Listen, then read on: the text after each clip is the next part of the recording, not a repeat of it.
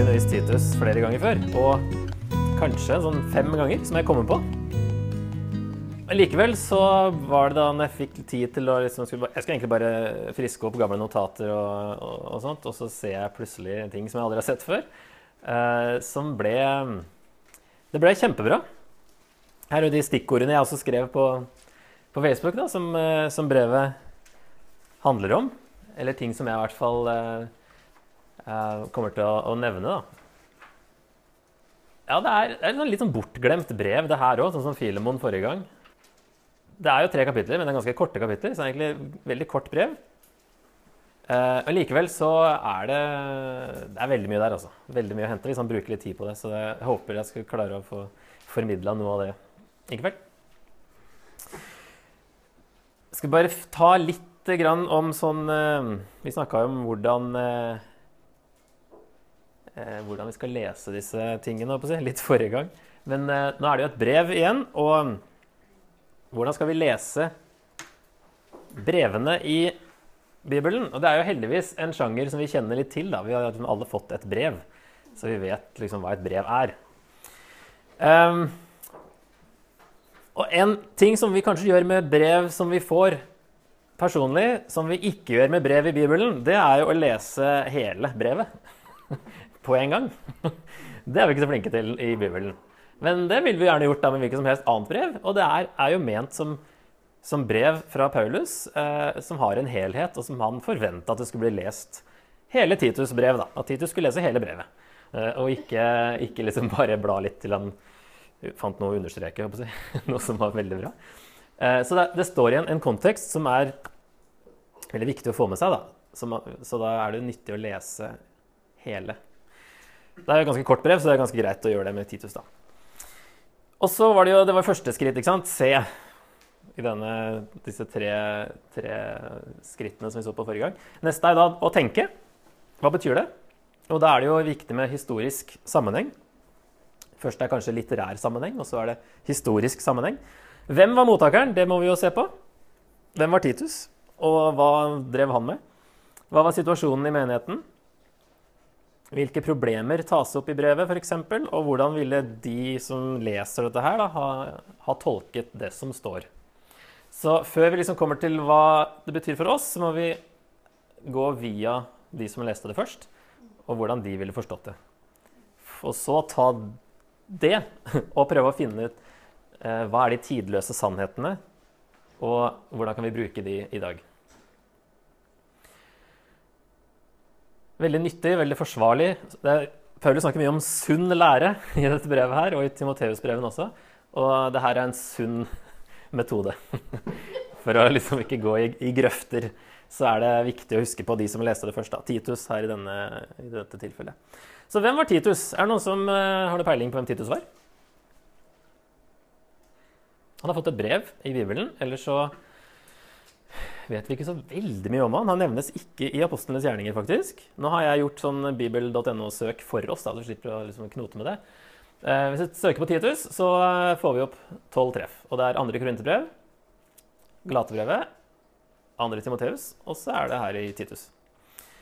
Eh, mest i andre, andre korinterbrev, da. Og der, For å summere opp det, så sier Paulus der at eh, bl.a. at han ble veldig glad står det. Enda større glede var det å se Titus så glad.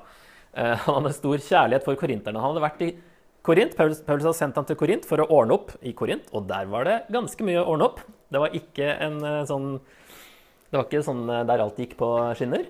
Så Paulus sender Titus. Han er en sånn som kan ordne opp. Og han var ivrig etter å gjøre det. Denne iver for dere i Titus sitt hjerte.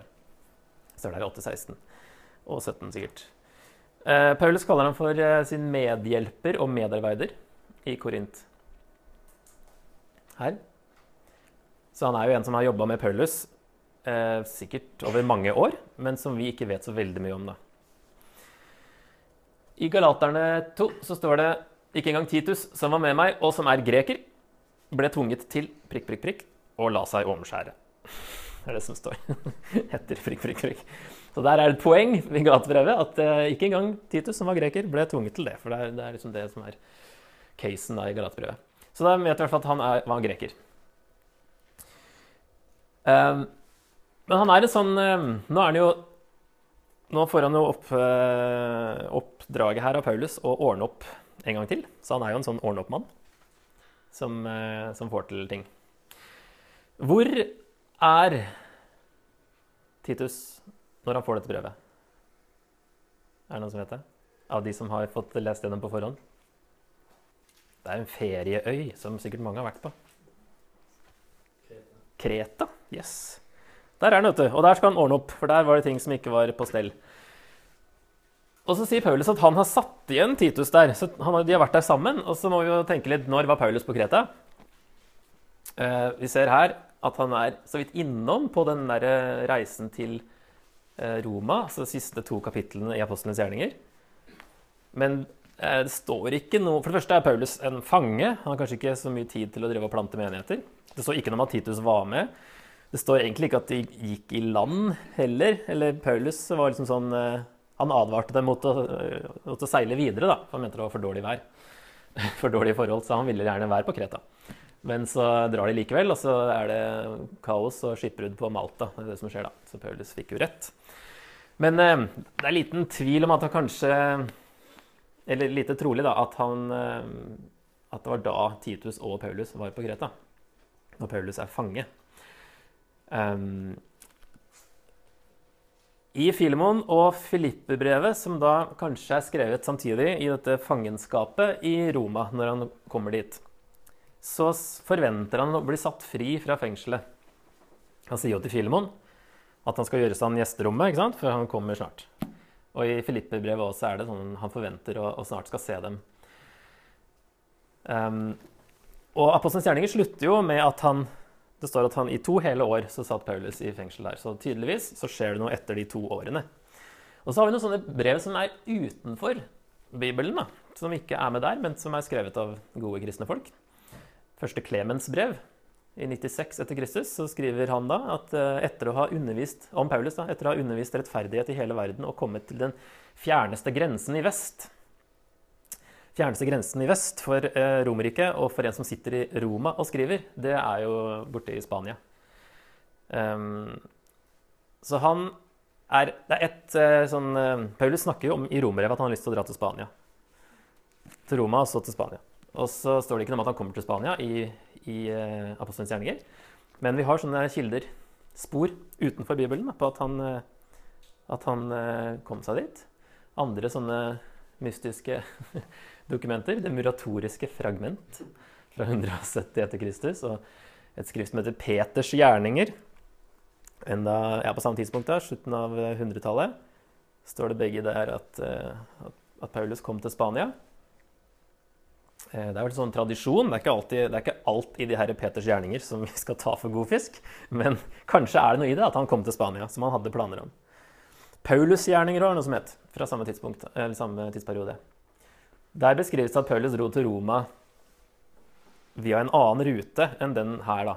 Sånn at han eh, da kanskje kom til Roma igjen senere igjen, og det er da han eh, ble henretta av Nero. Sånn at eh, det er mye som egentlig tyder på at han dro på en sånn fjerde misjonsreise etter år 62. Der han bl.a. setter igjen Titus på Kreta og Timoteus i Efesus. Og skriver da første og andre Timoteus og Titus. Før han da havner i Roma igjen, og i andre Timoteus, så er han, da vet han at det er slutt. Så sier han at eh, Jesus har åpenbart det for ham, at eh, nå er det, nå er det ikke mer. Nå blir han ikke satt fri mer. Eh, sånn at eh, det er sånn vi kan eh, tenke at, han, at, det skjedde, kanskje. Og i så fall så er da Titus skrevet da sånn rundt 63-64, kanskje. Um, at de drar litt sammen. Uh, Paulus setter igjen Titus og skriver dette brevet. Og han sier da i 1.5.: Jeg lot deg bli igjen på Kreta for at du skulle ordne det som fremdeles var ugjort, og innsette eldste i hver by, slik jeg påla deg. Så de fikk ikke gjort alt da de var sammen, og, og Paulus setter igjen Titus for at han skulle da To oppgaver. Ordne det som fremdeles var ugjort. Litt sånn uh, uklart hva det er, i hvert fall på dette tidspunktet i brevet. Og innsette eldste i, en, i hver by. Er det noen som fikk noe inntrykk da, av brevet, av hva som er eh, situasjonen på Kreta. Eh, ting har gått litt skeis, og det lederne er litt umoralske og ja, kanskje fare med vranglære, men òg bare det at de oppfører ikke seg som kristne. da. De har Mhm. ikke mistet litt den kristne livsstilen. Mhm. Absolutt. Andre ting? Det er overskrift i min bibel om falske lærere. i hvert fall. Mhm. ja da, det er noen falske lærere der. Jeg kan få opp den som jeg leste, da, der det står i hvert fall Det er noen ting som er ugjort, i hvert fall, og så mangler det eldste. Det er i hvert fall noen problemer. Og så er det ehm, disse vranglærerne som Paulus kaller for gjenstridige pratmakere. Spesielt eh, Ja, det virker som det er jøder, siden det er ehm, Eller kanskje kret, kretiske, heter det det? Kretiske jøder. Kretenske. Um, særlig blant de omskårne, sier han i vers 10. Det er jo jødene, da. Og de forvirrer andre, står det i samme vers. De fører ulykke over hele familier. Så du må stoppe munnen på dem, for de fører ulykke over hele familier når de sprer sin forkastelige lære for skammelig vinnings skyld. Pengers skyld, da. Så det er et problem. Er det noen som så noe mer? Det er ganske mange spor i brevet, faktisk. Før vi liksom går til andre kilder, så kan vi finne ut ganske mye ved å bare lese litt gjennom og ta oss litt god tid. Så det Paulus har et morsomt sitat da, eh, i vers 12 i kapittel 1. En av deres egne, en profet, har sagt Kreterne er alltid løgnere, onde villdyr, glupske og late. Og det var faktisk eh, ja, Så sier han dette vitnesbyrdet er sant. Derfor skal du vise dem strengt til rette, så de kan bli sunne i troen. Um, det var et rykte de hadde. Han siterer her det står i fotnota, vi kommer til det senere, at det er eh, Epimenides som levde på Kreta på 500-tallet før Kristus. Så det er et kjent sitat det her, at kreterne de var alltid løgnere. De ljuger alltid. Onde vilder, glupske og late. Det er liksom kulturen der, og det er det de sliter med, med å liksom leve som kristne når de er så vant til å leve på en annen måte. Så sier han i vers eh, 14.: De må ikke holde seg til jødiske myter og bud gitt av mennesker som har vendt seg bort fra sannheten. Så det her er også noe sånn jødisk eh, i disse vranglærerne spesielt. Da. Det er liksom både de, de kristne som eh, sliter med kulturen sin, og så er det vranglærere som underviser kanskje noe i, i samme retning, da. Og som gjør det for penger. Siste, altså I vers eh, kapittel 3 så sier han at eh, tåpelige stridsspørsmål og slektstavler og strid om, og krangel om spørsmål i loven Det høres også veldig sånn jødisk ut. Så kanskje det er noen sånn eh, ja, lokale jøder som er vranglærere. Eh, I tillegg til kulturen som er et problem. Og Hvis vi ser litt på andre kilder, så er det jo mye i dette sitatet som vi finner igjen. da, At de var løgnere. Det var jo fordi de mente at de fleste gudene, spesielt Sevs, opprinnelig var kretere som hadde blitt, hadde blitt guder. Altså vanlige mennesker som hadde blitt guder, og at Sevs var da begravd på Kreta. Flere av de gudene egentlig var begravd på Kreta. Eh, og det er jo litt sånn imot mainstream eh, mytologi, da, med at Sevs eh, døde og ble begravd. Derfor sa alle andre at eh, kretere, dere ljuger. Det der er bare tull.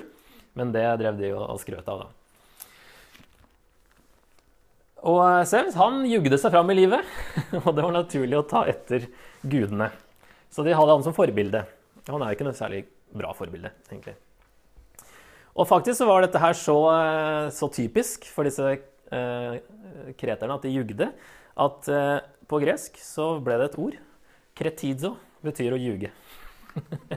og, og kretere. da ljuger du. Så det her var et skikkelig rykte de hadde. Det er mye som er ugjort her for Titus skal ordne opp i. Så er både vranglærere og kultur som er eh, i kollisjon med kristen livsstil. Jeg vet ikke om De jødene de var sikkert ikke så inne i dette her. Så det her er mer sånn den generelle kreter. Ja. Eh, og så er jo det med at det var sånn ære- og skamkultur, og da var det egentlig viktigere å beholde ære enn å fortelle sannheten. Så det kunne også føre til at han jugde en del. Med, for ikke å miste ansikt osv. Onde villdyr Eh, noen grekere rangerte kreterne blant de tre villeste eller voldeligste folkeslagene på jorden. Det stemmer òg ganske greit med dette sitatet. Og selv han Epimenides, som da sa dette her, han spøkte om at mangelen på ville dyr på Kreta ble erstattet av menneskene. han var jo en kreter sjøl, men eh, var ikke så begeistra for alle de andre.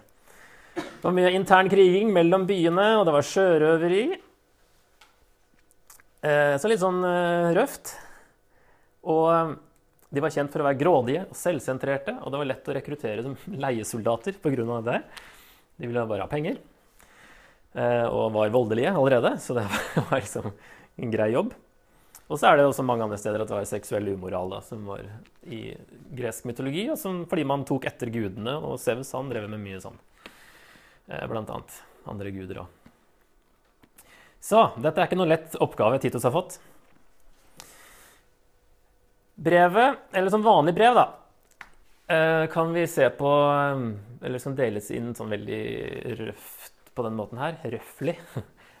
Først er det jo avsender, det er jo Paulus i dette tilfellet. Så kommer det en sånn åpning eh, her, da. Sånn, av og til blir den litt lang, andre ganger er den veldig kort. Men han går ofte litt Eh, ja, her går i hvert fall noen vers videre. da, igjen, Bare spinner videre på liksom, apostel og tjener og evangeliet og sånne ting. Så kommer mottaker. Så kommer det en sånn hilsen. Nåde være med dere, eller nåde være med deg.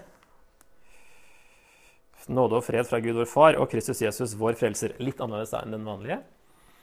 Og så har han ofte en sånn takkebønn. ikke sant? Eh, jeg takker alltid min Gud når jeg tenker på dere, når jeg ber for dere og sånne ting. Det har han ikke her i Titus, kanskje fordi det er et sånn personlig brev. Men til gjengjeld så har han en litt lengre åpning. da. Og så hoveddelen, og så avslutning til slutt. Eh, så det er sånn veldig basic. Eh, det er mest sånn i starten, da. At før hoveddelen liksom begynner. Men det var liksom vanlig oppsett.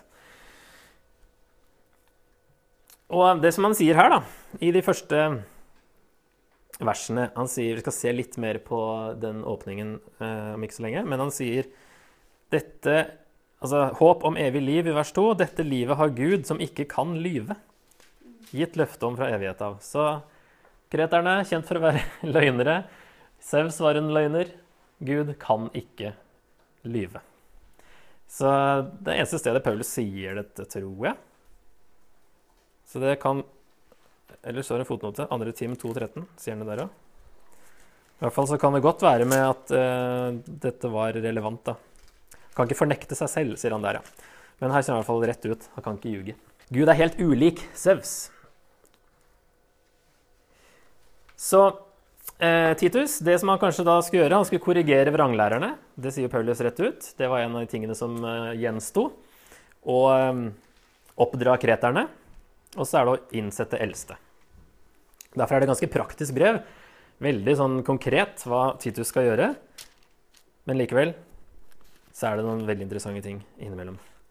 Innimellom alt det praktiske. Er det noen som har lagt merke til at det er veldig mange lister i dette lille brevet? Jeg tror kanskje det er høyest konsentrasjon av oppramsing fra Paulus i dette brevet her. Det er liste på liste på liste, der han eh, eh, henvender seg fra en gruppe til en annen og sier hvordan de skal leve, hvordan de skal leve, hvordan de skal leve. Masse lister. Og da er det interessant å se på dem, faktisk. Eh, nå kan vi se litt, for Da får vi liksom oversikt over brevet. Det vi kan se på, er hvem han snakker om, og, og eller eh, når det er lister. Hvis vi begynner med hvem, da. Hvem er det han skal vi si, vers Etter han liksom sagt til Titus i vers 5 at han skal gjøre det og det, innsette eldste i hver by, slik jeg påla deg. En eldste må det ikke være noe å utsette på. Og så kommer det en lang liste. Han skal være én kvinnes mann, barna må være troende, ikke trassige, osv. Så, videre. så han begynner med å snakke om eh, eldste, eller som han kaller dem, en tilsynsmann i vers 7. Det er nok det samme. Um, tilsynsmann, det ordet som ligger bak der, er biskop, faktisk. Så kanskje var en eldste og en biskop egentlig det samme. En som hadde oversikt. En eh, ja, tilsynsmann. Så det er første gruppa han henvender seg til. Hva hva er det neste som skjer etter vers 9? Hva snakker han om da? For det finnes mange gjenstridige pratmakere, så der kommer det et avsnitt om disse vranglærerne. Egentlig ut kapittelet. Lister der også, hvordan de er. Så kapittel to, så snakker han om eldre menn i et par vers, og så kommer eldre kvinner i et par vers, og så kommer Sikkert unge menn. vers 6, ja, og litt av 7. Og så Skal vi se Unge menn der, ja. Og så er det Titus sjøl som får eh, et par vers inni der. Vær selv et forbilde i gode gjerninger. Og så kommer slaver. Så der har vi ganske langt inn i Halvveis inn i brevet da, så har han egentlig bare kommet med mange lister og forskjellige grupper mennesker. Masse oppramsing hvordan alle skal oppføre seg. Så hva er det som kommer da, etter vers 10? Så kommer det et sånn litt annerledes avsnitt. For Guds nåde er blitt åpenbart til frelse for alle mennesker. Den oppdrar oss til å si nei til et ugudelig liv og verdslige lyster. Så her kommer det et sånn teologisk avsnitt på noen vers, der han sier at nåden oppdrar oss. Guds nåde er blitt åpenbart til frelse for alle mennesker. Den oppdrar oss til å si nei til et ugudelig liv og verdslige lyster, og leve forstandig, rettskaffent og gudfryktig i den verden som nå er. Så er det tilbake til formaninger igjen, vers 15. Dette skal du forkynne, og med myndighet skal du formane og vise til rette. La ingen se ned på deg. Du skal minne dem om å underordne seg styresmaktene og myndighetene, rette seg etter dem og være villige til å gjøre alt som er godt. De må ikke snakke stygt om andre eller yppe til strid, men være forsonlige og vise ydmykhet mot alle mennesker. Og så bytter han igjen. For vi var selv en gang uforstandige og ulydige. Vi for vill og var slaver av alle slags begjær og lyster. Kommer det sånn teologi igjen, der han sier at eh, han frelste oss, Gud frelste oss, ikke pga. våre rettferdige gjerninger, men fordi han er barmhjertig. Og så formaninger. Fra vers 8. Dette er et troverdig ord, og jeg vil at du skal innprente det, så de som er kommet til tro på Gud, blir ivrige etter å gjøre gode gjerninger. Alt dette er godt og gagnlig for menneskene, men tåpelige stridsspørsmål. Han går frem og tilbake et par ganger fra disse formaningene. Eh, og så har han to sånne avsnitt som er veldig sentrale. Der han eh, der liksom kommer mer sånn eh, teologisk teologiske avsnitt. Så eh, her kan vi bruke til å få litt sånn struktur, litt mer detaljert struktur da, på brevet, så vi får litt sånn oversikt. Eh, vi kan ta alle disse første her, da. Putte de inn som en eh, stor bolk med formaninger, der Titus skal ordne det som sto igjen, og innsette eh, eldste. Så kan vi putte åpningen på foran, og så kan vi putte avslutning på til slutt. Så har vi liksom egentlig hvordan brevet er bygd opp. Åpning, formaning, teologi, formaning, teologi, formaning, avslutning. Det er veldig interessant, synes jeg, som dere nå skal få se, håper jeg. Hvorfor Paulus gjør det sånn. Eller det er veldig annerledes, egentlig. For Vanligvis så begynner han med, med teologi. I Efeserbrevet er det liksom tre kapitler, første tre kapitlene eh, hva Gud har gjort. Og så kommer det fire vers én. Derfor lev sånn og sånn og sånn. Så han bygger liksom formaningene på teologien. Romerbrevet er det elleve kapitler med teologi. Derfor i 12.1. Eh, Så det er veldig ofte han tar første halvdel er teologi, eller første delen, og så går han på praktisk til slutt. Men her er det litt annerledes. Og hvis vi ser på disse Ok, det kan høres veldig sånn eh, kjedelig ut. Med sånne det høres sånn grammatisk ut ikke sant? når vi skal se på sånne bindeord. Men det er ordene som binder sammen disse her, det er veldig interessant. Og det er liksom en nøkkel til hele brevet. Og blir et supert poeng til slutt. det er rart at bindeord kan være så bra. Etter dette første Det som slutter i 2.10, altså alle de formaningene fra 1.5 til 2.10 Hvilket ord er det han bruker til å binde sammen den teologibiten med formaningsbiten. Jeg kan ta den første, da. Det er det første ordet i setningen. For. Det kommer en begrunnelse. Til alle de formaningene her så kommer det 'for'. Ok, og Neste. Hvordan går han fra teologi over til formaninger igjen i 2.15? Den er litt vanskeligere. Det er etter en sånn teologisk eh, et teologisk avbrudd.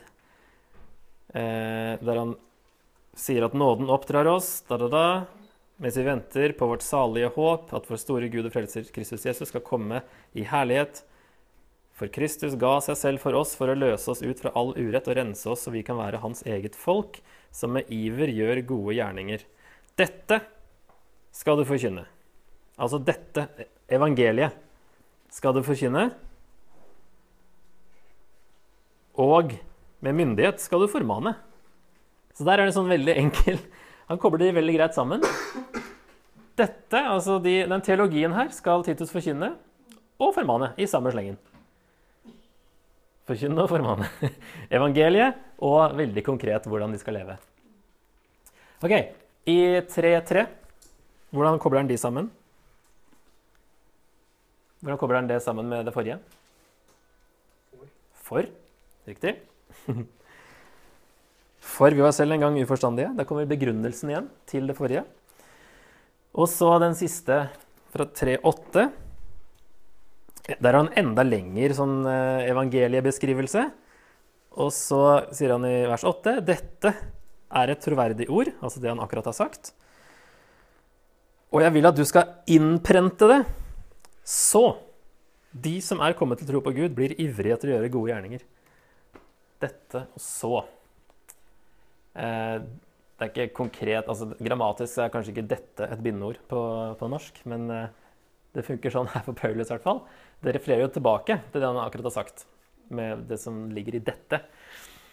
Så det at han frelste oss, dette skal du innprente sånn at de gjør gode gjerninger. Så den binder det sammen. De henger veldig sammen, disse her. Det er ikke tilfeldig at han liksom går bare fram og tilbake og kommer på mer ting. Så vi kan, vi kan eh, parafrasere og oppsummere litt. Eh, får vi liksom eh, konkretisert brevet her veldig. Sier han kanskje først her, da. De skal oppføre seg, for Guds nåde oppdrar oss. Og så kommer neste her, at eh, dette skal du forkynne og formane og vise til rette. De skal gjøre alt som er godt, står her. For vi levde i ondskap, men Gud frelste oss.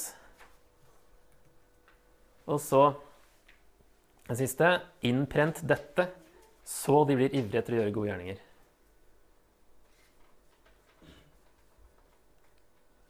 Så kan vi koble sammen de, da. Så liksom blir det sånn at gangen i brevet Sagt veldig kort. Eh, og at det ene er begrunnelsen for det andre. Og resultatet av det forrige osv. Det henger sammen hele veien. Jeg håper det ikke blir for teknisk å se det sånn med en gang uten å ha lest brevet like mange ganger som jeg har gjort. Men dere kan ta med det her hjem, og så kan dere se. Oppdage enda flere ting. Um, det kommer vi tilbake til, det her. Åpningen er også, som jeg nevnte sist, og du så med, med Filemon, at uh, det som kommer i den åpningen Eller der var det kanskje i takkebønnen så har vi takkebønnen eller åpning, da går litt over i hverandre. Det er også ting som Paulus nevner der, som peker framover på hva som kommer i brevet. Så her har vi vers 1-3. Eh, ord her som står rødt, er ting som, som kommer igjen eh, senere. Gudsfrykt nevner han da i den første teologibiten der. Guds nåde oppdrar oss til å leve gudfryktig. Håpet som vi har, nevner han begge steder. Evig liv nevner han i den andre der, i kapittel 3. Åpenbart det faktisk òg, snakker han om. Et ord som du ikke tenker skal være sånn viktig ord som går igjen, men det kommer her. Og i den andre. Det kommer i begge disse to teologiske avsnittene, det også. Og ordet 'frelser' er faktisk òg ganske mye nevnt, egentlig, um, i det brevet her, i, som Paulus pleier mest å snakke om frelst og ble frelst og sånne ting. Men Akkurat substantivet 'frelser' bruker han ikke så veldig ofte, men bruker det faktisk seks ganger i det lille brevet her. Bruker det i første formaningen her, i teologien der, og i den andre teologibiten. Så det er også interessant med de tingene som Det er en sånn overtyre som man har i, i, eh, i hvert fall i opera. Man har det i progressiv rock, for de som hører på det. Så kan du få en sånn, eh, du har sånn album som, eller en sang som var i 20 minutter. Så har du liksom, eh, eller et helt album kanskje, som er én sammenhengende sang.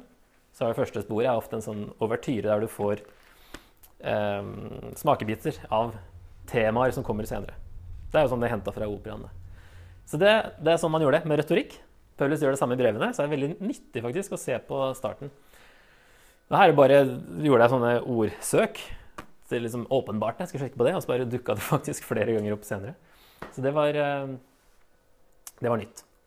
Ok, Vi kommer eh, tilbake til det senere, men bare se at det peker fremover. Denne lista om eldste, da, skal vi se litt konkret på den. Eller tilsynsmann. Det skal ikke være noe å utsette på en eldste. Han skal være én kvinnes mann. Barna hans må være troende, ikke trassige, ikke kunne beskyldes for å leve vilt og utsvevende. Han skal ikke være egenrådig, ikke bråsint, ikke drikkfeldig, ikke voldsom, ikke ute etter skammelig vinning, gjestfri, godhjertet, forstandig, rettskaffen, gudfryktig, herre over seg selv og må holde seg til det troverdige ord. Det er jo en lang liste med kriterier for en eldste. Jeg vet ikke om eh, alle følger den sånn i dag i alle menigheter. Det kan vi jo se på. Det er jo grunner til kanskje at man ikke trenger å holde seg helt til den, som er liksom det store spørsmålet her. da. Men kanskje kan dette første være en overskrift. Det står faktisk med et kolon etter seg her. da. Så de har tenkt på det samme, at det er beskrivelser av hva det vil si, da, og ikke, ikke skal være noe å utsette på den. Så, eh, så er det da forskjellige ting. Det er litt familie, og det er mye karakter. Eh, oppførsel. Og så er det litt teologi til slutt. Må holde seg til et troverdig ord. Det er jo noe de henter fra mm, jødedommen, det å ha eldste. Så det var liksom naturlig at de bare beholdt den ordningen. Um, og det var et viktig krav egentlig i oldtiden generelt at uh, hvis du skulle ha en sånn stilling så, av noe slag, så skulle det ikke være noe å utsette på denne personen. Så er det forskjellig hva som ligger i det. Men for Paulus så er det det her. Det er mange ting vi kan hente fra Galaterne 5, åndens frukt og sånne ting. Og så er det litt andre ting som er litt rart. Én kvinnes mann, for eksempel. um, det er forskjellige tolkninger. Vi tenker kanskje, Hva tenker vi med en gang når vi hører én kvinnes mann?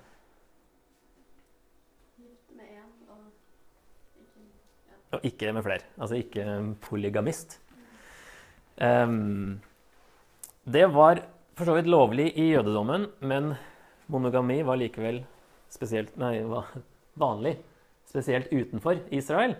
Fordi det var forbudt med romersk lov, faktisk, polygami. Og da tenker vi jo, hvorfor skulle Paulus da trenge å nevne det? Selv om han uansett var imot det, så er det liksom ikke noe vits å nevne det hvis det var forbudt. Eh, Så da blir jo liksom det som er det store spørsmålet her, da, som kanskje mange har eh, tenkt på. Betyr det da at en som er gjengift, ikke kan være eldste? En som er blitt skilt og gift igjen. Eh, Paulus snakker om en manns kone i 1. Timoteus. Om enker som er over 60 år, så må de ha vært én manns kone. Men samtidig så sier han i samme brev at yngre enker skal gifte seg igjen. Så tydeligvis så var ikke Paulus da imot at de da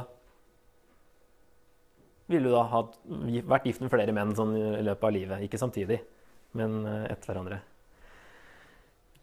En manns kone betydde trolig ikke gift med kun én mann i løpet av livet. Når det gjelder enker, er da argumentet. Ehm, og da tenker man at én kvinnes mann hadde trolig heller ikke den betydningen. Men spørsmålet er om det gjaldt uansett om man, man var enkemann eller skilt. Da. Paulus snakker bare om enker, og da sier han at du skal gifte dere igjen. Uh, Så skilsmissegreiene er jo der man er uenig. Og Paulus eh, sier ikke helt tydelig hva han mener. Så eh, mange lander på at det er snakk om en sånn ekteskapelig trofasthet med dette uttrykket. Fordi man finner inskripsjoner, en manns kone, på gravstøtter til kvinner som blir æret av sin enkemann. Eh, Det å være gift bare én gang i løpet av livet finnes ikke som et krav for ledere i oldtiden og er reservert mest for kvinner, men idealet med ekteskapelig trofasthet kreves ofte av ledere. Det var veldig vanlig å gifte seg igjen, damer spesielt, da, var veldig vanlig å gifte seg eh, da man ble enke, og også når man ble skilt. Var menn også, når de skilte seg. Så var det veldig vanlig å gifte seg igjen. Um, så kanskje det er forskjell på menn og kvinner, det er litt sånn uklart det òg. Men de, mange lander da på at Paulus legger vekt på at de bør være trofaste ektefeller. Og da er det liksom OK, hva betyr det? Um, det utelukker jo polygami. Det er jo greit, for det var ulovlig også. Det utelukker utroskap, som var ganske vanlig, og som vi nok også er enig i. Eh, og så er spørsmålet da med, med gjengift eh, og etter både å ha vært enkemann og skilt, da. Men det er i hvert fall ikke eh, det vi først tenker på, at det, er, at det er en polygamist. Det virker minst sannsynlig, i hvert fall. Et eksemplarisk ekteskapelig liv. Så um, noen er veldig konservative på det her, da. At er du skilt og gjengift, så kan du ikke være eldste. Andre finner disse uttrykkene, at det betyr noe annet. Og så er det jo ofte, det er jo også to unntak, eller to Jeg skal ikke si skilsmisse masse i kveld, men det er jo to eh, godkjente grunner for skilsmisse i Bibelen som gis. Jesus gir det ene, at det er utroskap eller hor. Eh, og Paulus kommer med det andre, eh, at hvis eh, den ikke-kristne i et ekteskap vil skilles, så er det greit. Og så var det såpass vanlig å gifte seg igjen at Paulus da, når han ikke sier eh, 'men dere kan ikke gifte dere igjen', så ville da korinterne, der han skriver det, forstå det som at da var det også greit å gifte seg igjen. Det er i hvert fall ett argument, da. Ok, Det er ikke det brevet handler om, men jeg skal ta litt om det her, for det er litt sånn eh, hot topic for noen, i hvert fall. Um, og den er litt vanskelig å finne ut av, da. Ok, tilbake til lista. Um, masse ting her. Barna, det er jo Barna må være troende ikke trassige, ikke kunne beskyldes for å leve vilt utseende. Jeg har vel hørt om noen eldste som faktisk eh, gikk av som eldste pga. barnas oppførsel, men jeg tror ikke det er så vanlig. Eh, og det er jo også litt annerledes, fordi på den tida her så hadde jo faren i huset all makt, si, og eh, kontrollerte barna egentlig på en helt annen måte. Også når de var voksne. De var liksom under farens autoritet så lenge de levde.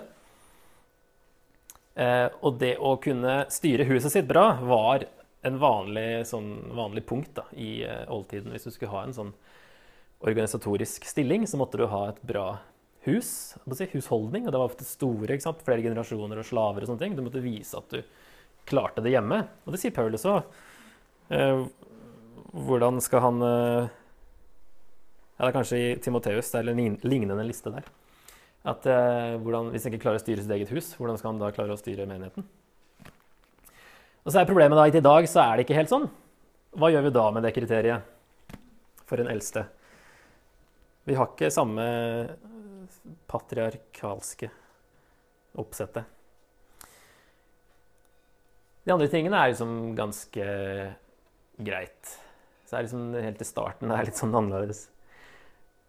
Så er spørsmålet, da Hvis det her skal være konkret og alltid gjeldende, eh, betyr det at den eldste må være gift fordi han skal være én kvinnes mann? Eller kan vi ha ugifte eldste? Betyr det at eh, han må være mann? Det er et stort spørsmål også. Ville kanskje ikke være naturlig for Paulus å se for seg damer som eh, eldste? Og det er jo ikke noe spor av det heller i Gammeltestamentet eller i jødedommen. Um, men så er det jo annerledes nå. Nå har vi like mye utdanning. Da hadde de ikke det. I 1. Timoteus, som Paulus har en lignende liste eh, om eh, eldste. Og så snakker han om, om diakonene, for en, de får også en liste. Hvordan diakonene skal være. Og Da står det om diakonene og de òg skal være én kvinnes mann. Og så har vi kvinnelige diakoner likevel i Bibelen. F.eks. Føbe i Romerne 16. Hun var jo ikke én kvinnes mann, tydeligvis, siden hun var en kvinne.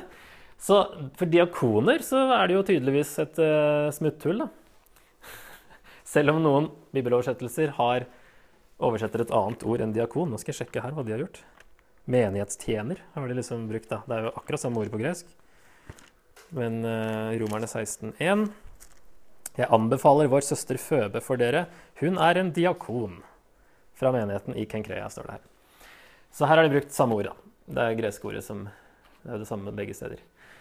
Vil det da si at for de eldste òg så er det mulig, selv om Paulus kanskje ikke ville se det for seg, at det er mulig å ha kvinnelige eldste fordi man kunne ha kvinnelige diakoner, selv om de skulle være én kvinnes mann nå? Må en eldste ha barn i det hele tatt, da, siden barna skal være troende? Man er gift og har barn? Ehm, eller er det hvis man er gift og har barn, at det skal være sånn?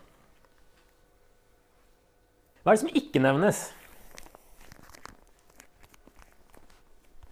Alder, f.eks. Man sier jo bare eldste, men det er ikke noe sånn Hva er minimumsalder? Og betyr det faktisk gammel, eller betyr det liksom bare med erfaring? Det er jo, et, det er jo vanlig ordet for eldste, altså, men, eh, men, det er ikke noe sånn minst 50 år eller et eller annet sånt. Ja, Et annet spørsmål er hvor mange skal de være? Det sier han heller ikke. Eh, hvor lenge må man ha vært en kristen? I, eh, til Timoteus så sier han skal ikke være nyomvendt, fordi eh, det går ikke så bra. Her sier han ikke det, kanskje fordi alle var nyomvendte. Så har han ikke med det, det punktet. Så det er jo ikke en helt standard liste i Timote, 1. Timoteus heller. Det er jo litt annerledes, selv om de går veldig, det er veldig like. Men akkurat det punktet for eksempel, er ikke med. Eh, hvor mye tid går det med til en sånn oppgave? Å være eldste? Hvor lenge skal de være eldste? Hva er arbeidsoppgavene utover det å eh, vise til rette disse vranglærerne, som han sier i 1.9? Veilede i den sunne lære og vise til rette dem som sier imot. Det er liksom det eneste konkrete de får av hva de skal gjøre. Så det er liksom de store spørsmålene. Er det her ment som en universell liste som vi alltid skal følge når vi skal utnevne eldste? Eller Tydeligvis er det jo ikke 100% likt for Timoteus. Så det er jo ikke helt uh, 100% universell. Så hva ville Paulus skrevet til uh, en menighet i dag, eller til oss i dag?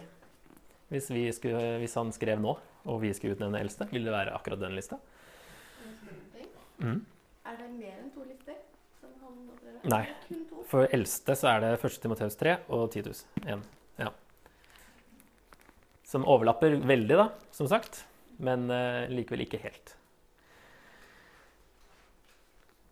Det som er interessant, da det eh, Etter å ha kommet med en liste her, så sier han for det fins mange Eller det er jo rett etter det at de skal vise, um, vise til rette dem som sier imot i 1.9. Og så sier han for det finnes mange gjenstridige pratmakere. Så kommer det avsnittet om, om vranglærere. Så de eldste skal utnevnes, spesielt fordi de skal si imot vranglærerne. For det finnes mange av dem. Og hvis vi sammenligner de listene, da, så er det ganske mye som faktisk eh, eh, korresponderer. De eldste skulle ha troende barn uten dårlig rykte, mens vranglærerne fører ulykke over hele familier. Så der skulle de eldste være motsatt av hva som, hva som skjer i kjølvannet av vranglærerne. Skal ikke være bråsint eller voldsom, mens de er kreterne. Villdyr. Der er det kanskje De er jo kretere, de vranglærerne også, så de havner liksom i den kategorien med, med villdyr. Eh, ikke drikkfeldig, herre over seg selv, mens de var glupske og late. Ikke ute, ute etter skammelig vinning, og den er veldig tydelig, da, for de var ute etter skammelig vinning. Så her er det en veldig tydelig motvekt. En eldste skal ikke være sånn som de er. Godhjertet skal de være, mens eh, vranglærerne er onde og ute av stand til å gjøre noe godt. Eh, gudfryktig, sier han i 1.8, mens de vranglærerne fornekter Gud med det de gjør. Eldste skal holde seg til det troverdige ord som samsvarer med læren, mens Vranglærerne sprer forkastelig lære. De er opptatt av jødiske myter og bud, og de har seg bort fra sannheten. Det er òg en motvekt. De skal kunne veilede og vise til rette motstanderne, mens disse motstanderne trengs, trenger å bli stoppet og vist til rette. Hva sier dette oss når det gjelder det spørsmålet med er dette en universell liste? Nå er det jo ganske Altså, listene For å tenke høyt. Listene eh, Og snart skal vi ha pause. Eh, listene i Titus og i 1. Timoteus er veldig like, fordi situasjonene var også veldig like. Det var vranglærere, og de skulle innsette eldste. Altså begge, de, begge får de samme oppgavene. Eh, sikkert mye av det samme. Det er ikke akkurat, eh, akkurat samme kultur på begge steder, men generelt så var det jo ganske likt. Og vranglærere spesielt. Så det er ikke så rart at de da overlapper og ligner, når situasjonen var ganske lik. Hvis Paulus faktisk henter mange av de kriteriene, eller legger vekt på dem, ut fra hva som var problemet, hva ville han da skrevet til oss? Når vi ikke har disse problemene, ville han da skrevet samme lista, for den er generell? Eller har han basert den på situasjonen for å lage en motvekt, for å ordne opp i problemene? Da blir det store spørsmål med historisk bakgrunn. Store spørsmål uten svar skal vi se litt på før pausen. Hvis den historiske bakgrunnen hadde innflytelse på hva Paulus skrev, hva betyr dette for vår anvendelse? Paulus så trolig ikke for seg kvinnelige eldste pga. sin kultur. Er vi da for alltid bundet av hans kultur, eller er det en teologisk grunn til at eldste skal være menn? Hva hadde han skrevet i dag? Hvordan bruker vi Bibelen? Hvis noe nevnes, må det da følges i detalj. Hva med det som da ikke nevnes? Er vi nødt til å gjøre ting slik Paulus gjorde det? F.eks. Salem eh, har jo ikke et eldste, men har et åndelig lederskap, der det bl.a. sitter damer. Eh, må vi ha eldste fordi Paulus utnevner eldste? Eller kan vi kalle det for noe annet? Hvordan kan vi unngå å gjøre Bibelen irrelevant med slike spørsmål? så ta noen minutter på det, bare sånn, så tar vi pause etterpå.